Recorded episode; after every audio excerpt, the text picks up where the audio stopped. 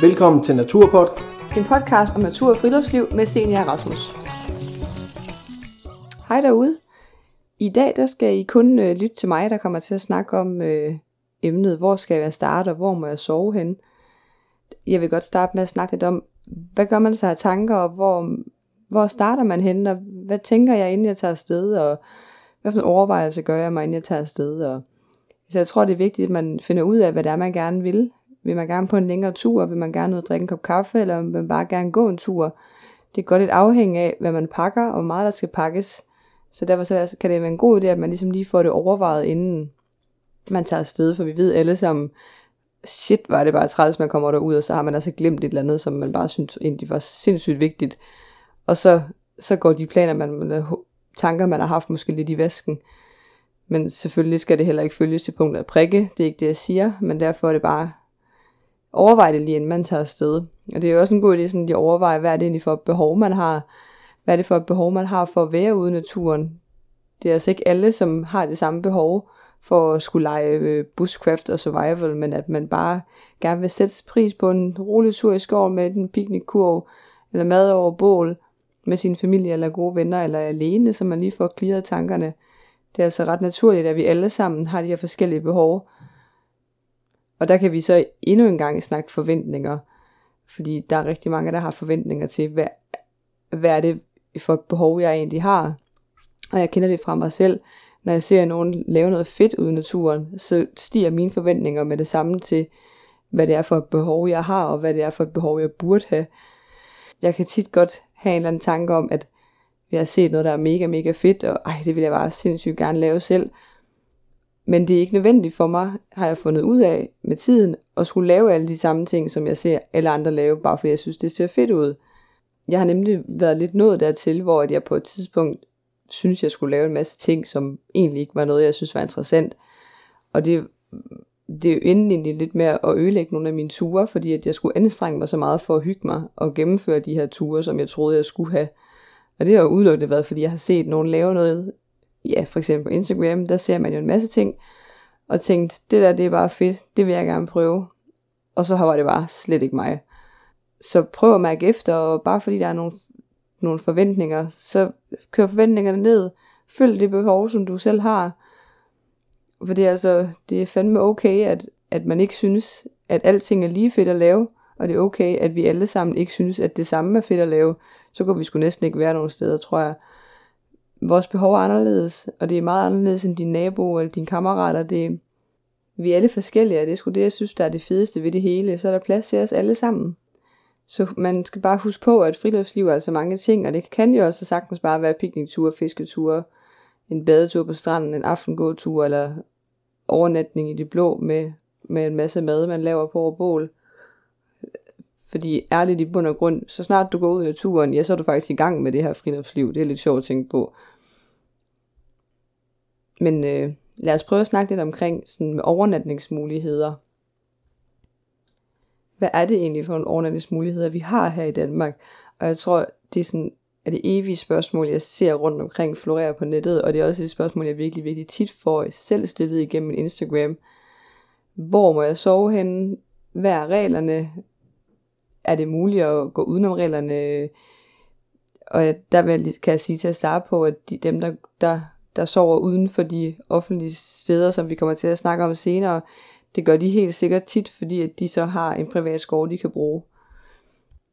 Når man snakker om de primære overnatningsmuligheder, der er i Danmark, så øh, snakker vi telt, vi snakker shelter, vi snakker, man overnatter på stranden, man kan overnatte under en tarp, som også kan hedde en bivak. Du kan sove i hængekøje, og så kan du selvfølgelig også sove i haven, fordi så sover du altså også udenfor så vil jeg lige prøve sådan at gennemgå sådan nogle fordele og ulemper, jeg har, jeg personligt synes, der er i forhold til de forskellige øh, muligheder. Øh, og når vi snakker telt, så snakker vi, øh, min største ulempe er sommervarme. Der er bare sindssygt varmt, når man vågner op i sådan et telt om sommeren. Ja, og jeg synes egentlig, at det starter rimelig tidligt. Det er allerede fra foråret af, jeg synes, at hold kæft, der bliver bare varmt i sådan et telt. En anden ulempe kan fx være, at der er ret meget rengøring i telt, hvis, man, hvis der har været dårligt vejr, det har regnet. Øh, vi var for eksempel på en, øh, en overnatningstur, hvor vi skulle sove i telt. Jeg har lige fået et nyt telt. Vi slår det her telt op, og det er på et underlag, hvor der egentlig ikke rigtig er noget græs, så det er sådan lidt mere sådan et jord, og, og der var jo tørt, da vi slog det op, men øh, i løbet af natten, der begyndte det bare at regne sindssygt meget. Så da vi ligesom vågner op, øh, så hele bunden, uden, altså det har bare sprøjtet op med mudder, og så det var bare så beskidt, så det tager, altså, det tager lige pludselig noget, noget tid, når man kommer hjem. Man skal ringe og det, man skal have det op, hængt op, og, og det skal jo også lige tørre ordentligt, inden man får det, får det pakket ned igen, ellers så, øh, så bliver det bare træls næste gang, man skal bruge det. Men øh, en fordel ved teltet kan jo så være, at man kan få nogle efterhånden rigtig letvægtstelte til vandring, som, som så ikke fylder ret meget og ikke vejer ret meget. Og det er virkelig en fordel, når man skal vandre, at man så ikke, ikke skal bære rundt på for mange uafflyttige kilo. Og en anden fordel kan være, at man ligesom er beskyttet for insekter og dyr. Der er mange, der ikke øh, bryder sig om, her om sommeren i hvert fald, at der er så mange insekter og dyr udenfor. Så der, der er mange, der bliver afskrækket fra at tage ud og sove, fordi de gerne vil undgå det.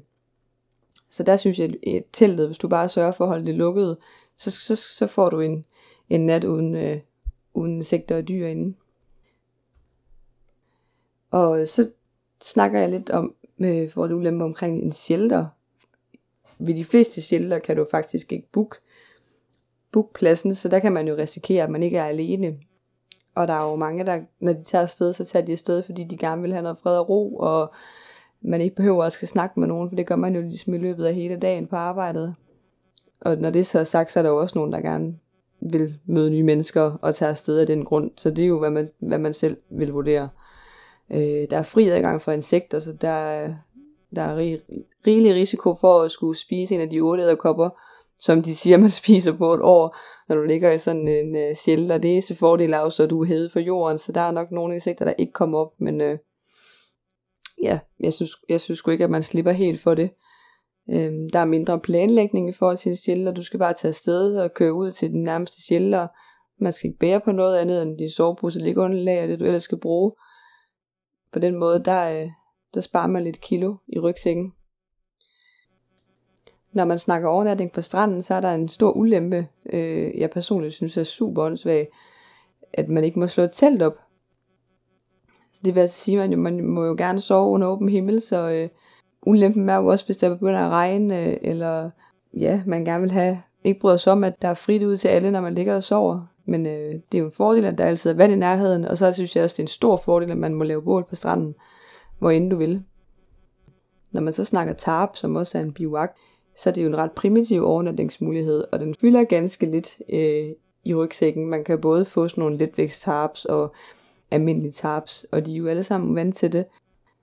Men en, en ulempe ved det er, at man, man kan mangle et underlag, så hvis det regner for eksempel, så ligger du ligesom bare på den bare jord, og så er der lidt større chance for, at du ligesom også får en våd, et våd liggeunderlag og en våd sovepose. Så er vi kommet til hængekøjen, og øh, der kan man altså både få hængekøjer, som er lidt vækst og som er almindelige. Og hvis man ikke har en letvægts hængekøje, kan den godt fylde en del, når man både skal have en tarp med og et myggenet med. Øh, og så kan de jo være ufattelig kolde om vinteren. Og så der er det også nødvendigt at have en underquilt med, og der kan man sige, så det fylder bare rigtig meget, så det er måske ikke sådan det mest oplagte at have med, hvis man skal ud og vandre. Man ligger sig til gengæld rigtig godt i dem, og personligt så er det det eneste, jeg kan sove i, hvor jeg ikke føler mig mega stiv i ryggen, når jeg vågner om morgenen. Og der skal man jo bare finde det, som man synes, der passer til en, og tilpasse. Nogle kan godt lide, at man skal ligge, ligge på noget hårdt, og ligge på noget, der er fladt.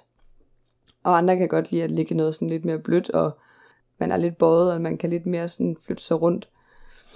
Og i haven, der er det jo bare, der er det jo tit en lidt lille hyggetur. Øh, hvis man lige synes, at det er godt vejr, man vil gerne ud og sove i telt og prøve en ny telt af, eller prøve en eller anden tarpopsætning, eller så gør man jo det, og så der er tæt på toilet, og der er køkken, så det er sådan lidt mere luksus og lidt, hvis man, øh, man tager den overnatning i, i haven. Og så tror jeg, jeg er kommet dertil, hvor jeg vil øh, prøve at ramse op for jer så let og simpelt som muligt, hvor man må sove hen i de danske skove.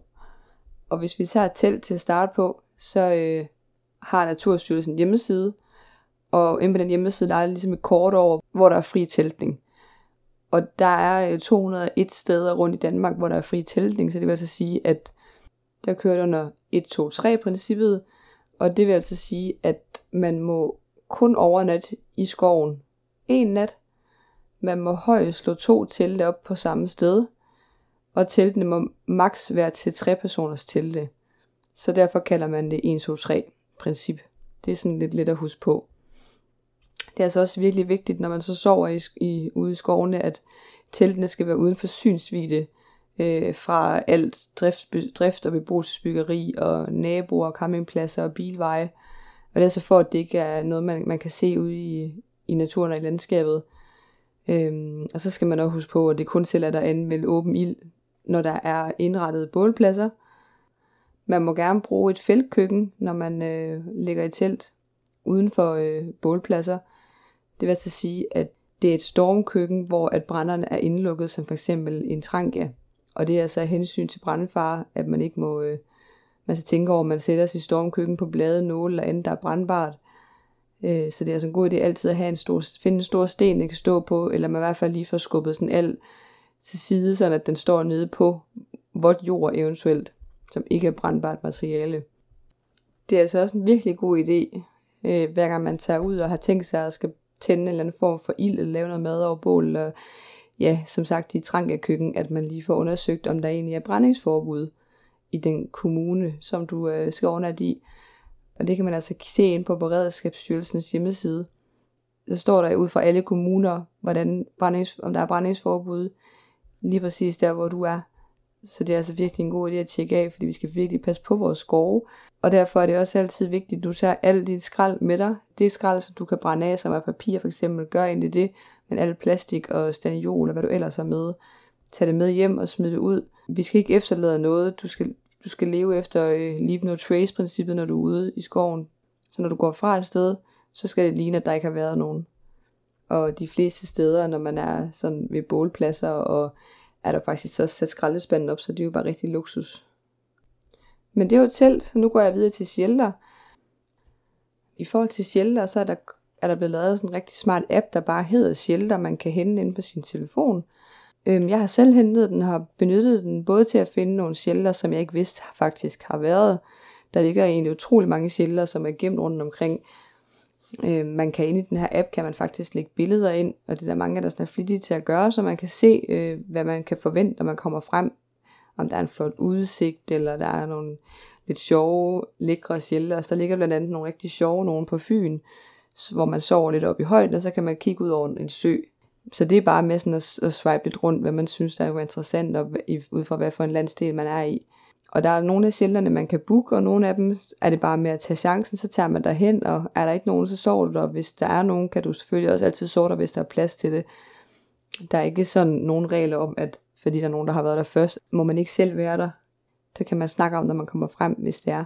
På mange shelterpladser er der jo også toilet, og der er vand, og for nogen, hvor, som ikke er til den der sådan bushcraft øh, outdoor verden, der er shelter måske det oplagte at vælge i forhold til, at man, man tager sig til, sover der, bruger faciliteterne, og så tager man hjem igen. Men den næste, det er så øh, på stranden. Der er lidt, øh, lidt sjove regler, synes jeg, på stranden, som øh, hedder, at man øh, godt må sove under åben himmel.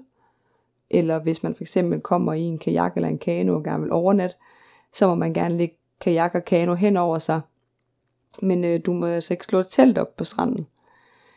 Under åben himmel, under kajak kano, må du gerne, så længe du vil, men du må ikke slå et telt op.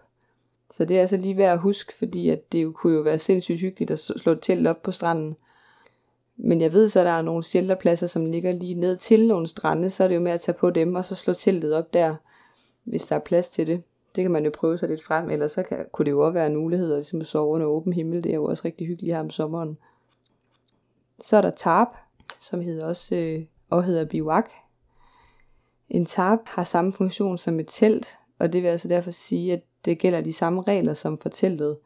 Man må ikke sætte det op anden end de steder, hvor der er fri teltning, som du så som sagt kan se på Naturstyrelsens hjemmeside. Øh, og der gælder 1-2-3-princippet også stadigvæk. Hvis du sover i hængekøje, så må du altså lige så længe du lyster sove på Naturstyrelsens arealer, og så længe man ikke beskader træer, og så længe man ikke efterlader nogen spor. Og det vil altså sige, at man skal huske på, at hvis man hænger en tarp op hen over en hængekøje, så vil det altså komme til at ligne et telt, og så gælder de samme regler faktisk, som det for et telt. Så det er altså lige værd at tage med det der med, at hvis man nu gerne vil have en tarp og over hængekøjen, jo som rigtig mange gerne vil, fordi der falder duk om aftenen, så gælder det altså lige pludselig som et telt, og så må du faktisk kun sove der en nat. Husk lige på det, inden I tager ud. Og fordi hængekøjer er blevet rigtig, rigtig populære herinde for de seneste år. Rigtig mange, der tager steder og sover i hængekøjer. Og jeg, var selv, jeg har selv været overrasket over, at man faktisk, bare fordi man hænger en tarp op henover, at så gælder samme regler for telt. Så det skal man lige huske på. Og i haven, der må du jo bare sove så mange gange, så længe du vil. Det er jo det gode ved det, ens egen jord. Og det kan man måske også godt lige nævne, hvis det er, at der er også mange steder, at der er privat skov, og man kan faktisk altid slå op ind på, øh, på nettet, for at se, hvem ejer den her skov, og så er der nogen, der spørger, kan den finde på at spørge, er det i orden, jeg bruger din skov til at, overnatte i, øh, jeg skal nok fjerne alle sporene, jeg går derfra, og så får man ja eller nej, og det, øh, så kan man jo eventuelt få lov til at sortere nogle flere netter end bare en enkelt net. Så det er jo også en mulighed. Så selvom jeg godt ved, at det kan virke noget uoverskueligt at tage ud og sove, fordi der er så mange regler, man skal tage, tage højde for, og man er så bange for at gøre noget forkert. Spørg øh, omkring der, læs omkring der øh, på nettet, og så håber jeg også, at det her afsnit jo har kunne hjælpe dig med at blive lidt afklaret med, hvor hvad man må. Tit kommer man altså også langt med, hvis man bare spørger og fortæller en situation derude, hvis man møder nogen, som er lidt utilfredse med, hvis man har gjort noget, man ikke burde. Det er ikke så svært. Bare komme afsted og nyde det. Nyd at få noget frisk luft og nyd, at, at man faktisk kan gå ud og næsten få nogle gratis oplevelser. Det koster jo heldigvis ingen penge at sove i en shelter, i hvert fald ikke de fleste steder. Nogle steder det koster det penge, men det koster ikke nogen penge at sætte en hængekøje op i skoven, og det koster ikke nogen penge at slå et telt op, andet når man har, først har købt teltet. Men det er altså de her små ture, som gør, at man i weekenden lige kan koble lidt af, og man kan tage sin familie eller børn med ud og lave noget anderledes, og noget de kan fortælle i skolen dagen efter. Så kom afsted med dig og nyd det. Det værste, der kan ske, det er sgu bare, at man kan tage hjem igen, hvis man synes, det bliver for uhyggeligt. De første par gange, jeg har sovet ude alene, der har jeg øh, ikke brugt mig om at være alene, når det har været mørkt, men det er en ting, man skal vende sig til, og så bliver det bare meget bedre med tiden. Så det er bare med at prøve det af, og et lille godt råd, jeg havde der, de første par gange, jeg sov ude alene, det var altid at have en øh, mobiltelefon, der var strøm på, så hvis der blev noget, så kunne jeg altid lige ringe til min kæreste eller til min familie og sige, at øh, man lige havde brug for at snakke lidt, og så har jeg endda også formodet at til, på et tidspunkt faktisk at tage hjem sent om aftenen, for jeg blev så utryg, øh, men øh, ja, de historier får jeg nok nogle mere om på den tidspunkt. Så det, var, det jeg vil frem med, det er bare, at det er så meget normalt, at man synes, at det er lidt grænseoverskridende nogle gange, og derfor så er det bare, det er godt, at vi bare prøver det af. Du kan altid tage hjem, du kan altid ændre mening. Så prøv det. Kom afsted og nyd det. Tak fordi I har lyttet med. Efter det her afsnit, der kommer der jo et indlæg ind på naturpod.dk, hvor at, øh, jeg skriver alle de ting, vi har snakket om, så kan man lige læse det igen, hvis man synes, at der kommer til at være nogle link ind til hvor man ser de blandt andet de øh, frie, frie tilpladser i, i Danmark, og hvor man kan se omkring brændingsforbud og den slags. Så øh, jeg håber, at I øh, vil lytte med næste gang. Tak fordi I var med. Hej hej!